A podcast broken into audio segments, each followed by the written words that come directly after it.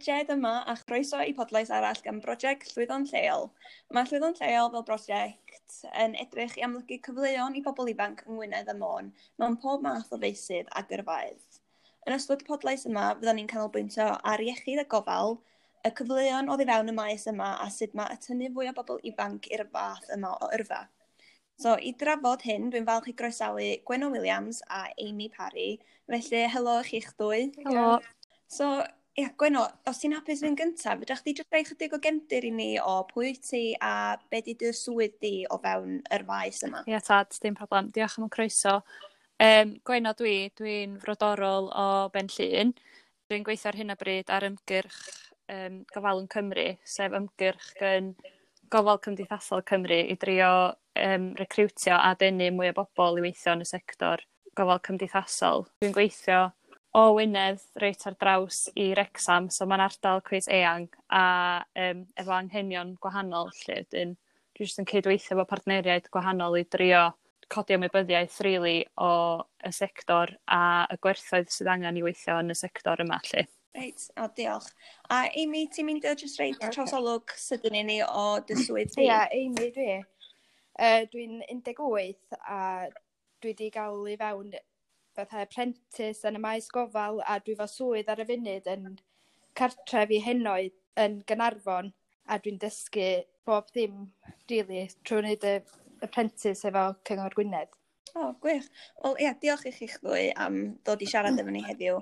So, ia, na gychwyn i ffwr efo'r cwestiwn i chdi, Amy. So, just, o'n eisiau gwybod, be nath wneud i chdi eisiau fynd i fewn i yrfa yn y maes gofal? Um, nes i adael ysgol a wedyn es i ys- i- i coleg yn Llangefni i wneud health and social a wedyn o'n i'n teimlo fatha bo' fi eisiau gwneud fwy o hands-on so nes i chwilio fewn i apprentice a yna un yn dechrau yr un gyntaf yn dechrau efo Cyngor Gwynedd so nes i just trio a wedyn geis i lle reit agos i adra a dwi wedi bod yn, yn, yn cartref yma 'wan yn Gynarfon ers dros blwyddyn. Ia, sut wyt ti'n mwynhau o? Um, pa fath o, ia, pa fath o bethau ti'n gorau wneud yn dy ddydd i ddydd wrth gweithio fath apprentice? Wel, dwi'n gweithio pimp, diwn, pimp diwrnod yr wsos, so mae'r diwrnod yn dechrau trwy helpu'r henoed i wneud i hyn yn barod so, efo choices nhw. A wedyn, da ni'n trio wneud nhw teimlo fatha adra, amser yma dyn nhw'n cael gweld teulu, so mewn ffordd ni ydy teulu nhw ar y funud So da ni'n trio neud nhw teimlo'n cyfforddus yn, yn cartra nhw mewn ffordd. Ie, yeah, so fedra i ie, yeah, fod o'n gwaith calad ond rhywbeth sy'n dod â lot o fydd i'r bobl ti'n gweithio. So ti'n gweithio fatha apprentice 'di hwnna'n fath traddodiadol o gael i fewn i swydd uh, gofal iechyd? Dwi'n meddwl bod fi wedi bod yn reit lwcus i gael yr apprentice yma 'c'os dwi'n un deg wyth a mae hwn yn ffordd iddo fi weithio fe hyn i fyny 'wan yn y maes gofal a wneud y well. So, pa mor bwysig oedd o i chdi, Amy, i ffindio gwaith yn yr ardal lleol? Um, dwi'n meddwl oedd o reit bwysig, ond dwi'n meddwl bod fi reit lwcus mae teulu fi gyd mewn yn y maes gofal, so o'n i jyst teimlo fatha dwi wedi bod yn gweld nhw yn helpu pobl yn reit agos i adra, so o'n i'n teimlo y ffordd gorau oedd y prentis a o'n i reis lwcus i gael o yn Gynarfon lle dwi'n byw. So, ia, yeah, cwestiwn sgynnu wedi, Amy, ti'n berson ifanc sy'n 18 oed. Di maes gofal yn rhywbeth da chi'n deimlo mae bobl ifanc yn ddeddol o fynd i fewn i?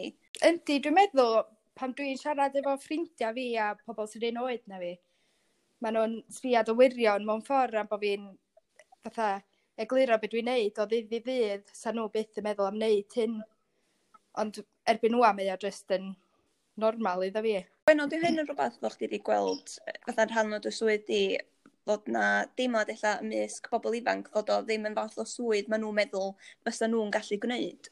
Dwi'n meddwl bod yna lot o myth mewn ffordd amdan y sector gofal. Dwi'n meddwl peth gyntaf mae yna lot o bobl yn meddwl pan maen nhw'n meddwl am sector gofal ydy yy gofal personol ac ati a dwi'n meddwl bod hynna'n tueddu roi dipyn o bobl off y swydd mewn ffordd a um, bod nhw'n misio'r agwedd yna 'lly ond dwi'n meddwl um, mae'r sector lot mwy eang na hynny lle. Mae yna dros chwech deg pump o'r ola' yym gwahanol i gael yn y sector a dwi'n bod yn bwysig cael um, rola' pobl fel fi er enghraifft i fynd rownd ysgolion y ballu i helpu ddod drost y myths 'ma um, ma' 'na just gofal personol ydy um, gofal cymdeithasol mae o'n gymaint mwy na hynna allu.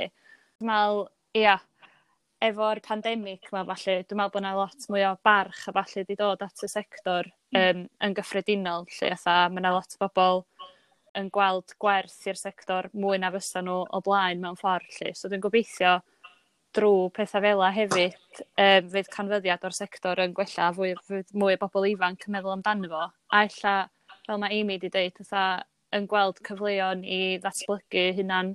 Um, dwi'n meddwl bod atha, cael prentisiaeth yn y maes yn gret, atha, mae'n gyfle i Amy weithio tra'n ennill cyflog ond hefyd meddwl mwy amdani dyfodol hefyd a gweithio tag ati dyfodol lle. Ie a ti 'di sôn yn fanna am yr myths yn bodoli o fewn y maes yma. I mi, efallai fod hwn rhywbeth fo chdi wedi dod ar draws hefyd. Yeah. Fatha, fatha pethau, mae bobl yn tueddol o feddwl amdan y maes gofal. Mm. Um, efallai sa'ch chi'n gallu reid rhai o'r myths yna i gefn, efallai rhai da chi wedi dod ar, ar ei draws, da chi eisiau ia, rhoi rhyw fath o eglurhad ar ei gyfer. Pan o'n i'n coleg, oedd pobl yn deud, o, swn i'n licio gweithio mewn cartref, yn meddwl bod yr service users yn yma, yn dod yma i, i adael mewn ffordd. Ond ers bod fi'n gweithio yn fyma, dwi, swn i'n methu meddwl am gwaith. Well iddo fi, dwi wedi creu bond efo lot o'r residents a swn i'n methu meddwl am gweithio yn, yn drwy'r arall ar y funud, de. Na, lyflu. So, mm. ie, yeah, be di y rhan gorau chdi o weithio fewn y maes yma? Uh, swn i ddeud, gael dod i nabod y uh, service users i gyd. So, so da ni'n gael, dwi'n yma pimp diwrnod yr wsos a maen nhw'n nabod fi mor gymaint dwi'n nabod nhw 'wan a 'dan ni... maen nhw'n teimlo'n cyffyrddus efo fi 'de. Ia.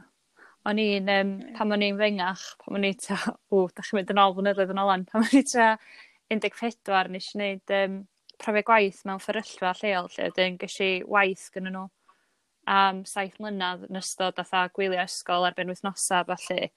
a um, be' oedd yn taro fi oedd um, oedden ni'n cael gymaint bobl yn galw fewn oedd yn gweithio yn y sector gofal cymdeithasol, pobl fatha Amy oedd yn um, gwachod ar ôl y trigolion y ballu, rheolwyr, um, pobl oedd yn gweithio i'r gwasanaeth gofal cartra, pobl oedd yn gweithio efo pobl efo anabledda dysgu ag ati. A be oedd yn taro fi bob troedd, oedden, oedden nhw'n gweithio'n rili, really, rili really calad, ond eto oedden nhw weld yn cael um, mwynhad mawr o'r swydd lle, lle bod yeah. chdi'n teimlo hyn i mi eitha, um, o gynnu nhw wastad stori amdan y pobl oedden nhw'n gwachod ar ôl a ballu a o gynnu nhw just gymaint o wen ar ei gwyneba pan oedden nhw'n deud y storis na falle dyn nhw. Dwi'n meddwl bod nhw'n troi, os ydych chi'n gallu deud yr un peth, dwi'n siŵr i'n mi, bod nhw'n troi yn rhan o deulu chdi mewn ffordd yeah. diwedd, lle, atha, um, ti'n rhan mawr o bywyd nhw, ond eto maen nhw'n rhan masif o dy fywyd di yn y pen draw hefyd, dydy. Yeah dwi bod hynna'n wbeth special a wbeth atha gwerthfawr iawn i gael mewn gyrfa mewn ffordd lle. Yndi.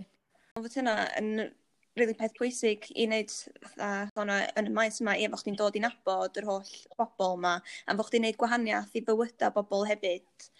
O, ia wrth gwrs mae yna buddion o weithio mewn swydd gofal ond bob swydd mae yna ochr fatha bella. Be' 'sach chi'n dweud i'r rhai petha ie, yeah, allai angen meddwl amdano pan maen nhw'n barod i fynd i fewn i math yma swydd. Fi'n gweithio mewn cartref henoed yn y maes gofal. Mae yna bob amser un o'r un o'r resident yn mynd i fod yn sal neu yn gadael ni, so dwi'n meddwl hynna ydy'r part fwyaf anodd a fwyaf sa'n torri calon rhywun gweld bod da ni'n treulio mor gymaint o amser efo'n gilydd. Yn gael lot o'n ni fel staff yn fama de rei dychmygu hynna. Ond ia, beth sy'n neis o glwad, ia, chdi yn siarad ydy fod y math yma o swydd yn gallu gwneud gwahaniaeth a fo chi, fo chi angen bod yna i'r math yma o bobl uh, helpu nhw allan a ballu. Flwyddyn dwytha, efo Covid-19, meddwl fod yr sefyllfa da ni yni yn mynd i gael effaith ar bobl ifanc sy'n ia, meddwl mynd i fewn i swyddi yn y maes iechyd a gofal Uh, Dych chi'n meddwl fod hwn yn mynd i heintio fo gwbl? Yndi, swn i'n dweud, mae yna llwythi o risg o pobl yn dod i fewn i cartriodd i henoed neu ysbyty wan. Da ni'n gwybod lle ni, fysa'r Covid ar y funud, so mae yna llwythi o risg o'n rhywun yn cario fo mewn a droed o i pob arall, rili. Really. Dwi'n mynd i fod yn obeithiol yma a gobeithio fydd o'n fydd y cyfnod yma 'di helpu mwy o bobl feddwl o ddifri be maen nhw eisiau gwneud efo'u bywydau ella. 'tha yym dwi'n meddwl bod yr e, ia cyfnod yma efo Covid a falle, mae wedi dod â lot o amser i feddwl i bobl a ella fydd pobl yn meddwl pobl ifanc ella'n meddwl, o oh, okay, dwi eisiau gwneud rhywbeth sy'n gwneud gwahaniaeth i fywydau pobl ag ati. Um, so dwi'n gobeithio fydd 'na fwy o bobl yn penderfynu dod i weithio yn y sector. um, ond fel mae Amy wedi dweud, atha, mae yna agwedd arall iddo fo, lle bod pobl yn um, cael ei dychryn illa efo beth sydd wedi digwydd dros y flwyddyn dweitha ac ati lle. Ond um, gobeithio bod yna bobl ifanc allan yna sy'n licio cael bach o her a yn licio wneud um, gwahaniaeth i'w cymunedau lleol lle a bod nhw'n gweld gwerth mewn helpu eraill. achos dwi'n meddwl, mae'n cymryd person go arbennig i weithio yn y sector gofal cymdeithasol a mae rhaid chi fod yn barod i roi anghenion pobl eraill o flaen anghenion eich hunan a falle mae rhaid chi fod yn dda efo pobl mae rhaid chi fod yn hyblyg ac ati. A um, derys, dwi'n a lot o bobl ifanc allan yna. Um, fydd yn cyfatab i'r hynwedda yma ac eisiau y her a mynd amdani lle. So ie, fatha yn yr flwyddyn dwytha yma, da ni wedi gweld fod na lot o alw ar bobl i weithio yn y swydd gofal a iechyd math yna beth. Ie, mae'r flwyddyn dwytha yma wedi bod yn anodd arnyn nhw, ond hefyd yr math o ddiolch a bod yn gweld fatha posts ar Facebook a yn y newyddion a falle, jyst yn danos pa mor bwysig ydy'r math yma o waith cymunedau ni yn y wlad yma. Ie, so fi'n deud yr un peth a chdi, Gwenno, dwi'n gobeithio fod o yn mynd i dangos wrth bobl pa mor bwysig dy'r math yma o waith a eithaf nid nhw feddwl um, ia, sydd sa nhw yn gallu gwneud gwaith pwysig a helpu a falle. I rhyw berson ifanc sydd yn gwrando ar y podlais yma sy'n meddwl oce, okay, ella fod hwn y math o waith sy'n fi'n licio wneud. Be fysa um, o'r chi um, iddyn nhw? Swn i ddweud jyst trio fo, swn i'n methu meddwl am gwaith well i wneud ar y funud mewn cartref ma' nhw fatha teulu idda chi so does am byd i fod yn ofyn o dechrau rhywbeth newydd a mae yna waith mae yna jans o'na chi'n gedru gweithio, chi'n i fyny i wneud rhywbeth 'da chi isio yn y maes gofal rili. Dwi'n meddwl sy'n ni'n cytuno fo chdi fanna ni mi. a mm. tha, um, fel ti'n dweud, ma' 'na lot o gyfle i chdi ddatblygu dy hun sy'n yeah. gret. yn enwedig i bobl ifanc dyddia' yma dwi'n meddwl, ma' 'na dueddiad i bobl um, fod eisiau datblygu hynna'n fwy yn hytrach na aros mewn un swydd am gweddill i hoes math o beth lle, so ma' hynna'n opsiwn gret. Feddwl, ffor fi rili fysa just, fel yda ddim i just mynd amdani. Os 'da chi'n mylicio fo do's o ddim gorfodaeth i chi aros math o beth. Ond dwi'n meddwl bod y cyfnod yma wedi dangos do mae wedi bod yn heriol ond eto mae wedi dangos um, dewrder pobol falle hefyd lle, 'atha mae yna gymaint o bobol 'di aberthu lot a 'di camu fewn i'r adwy i helpu bobl eraill. a dwi'n gobeithio neith hynny um, ysbrydoli pobl eraill i um, ddilyn hoel traed pobl lle atha allai enwi um, rhywun arall tebyg i chdi Amy mae'n gweithio mewn cartra yn Blaena' Ffestiniog um, Mabli.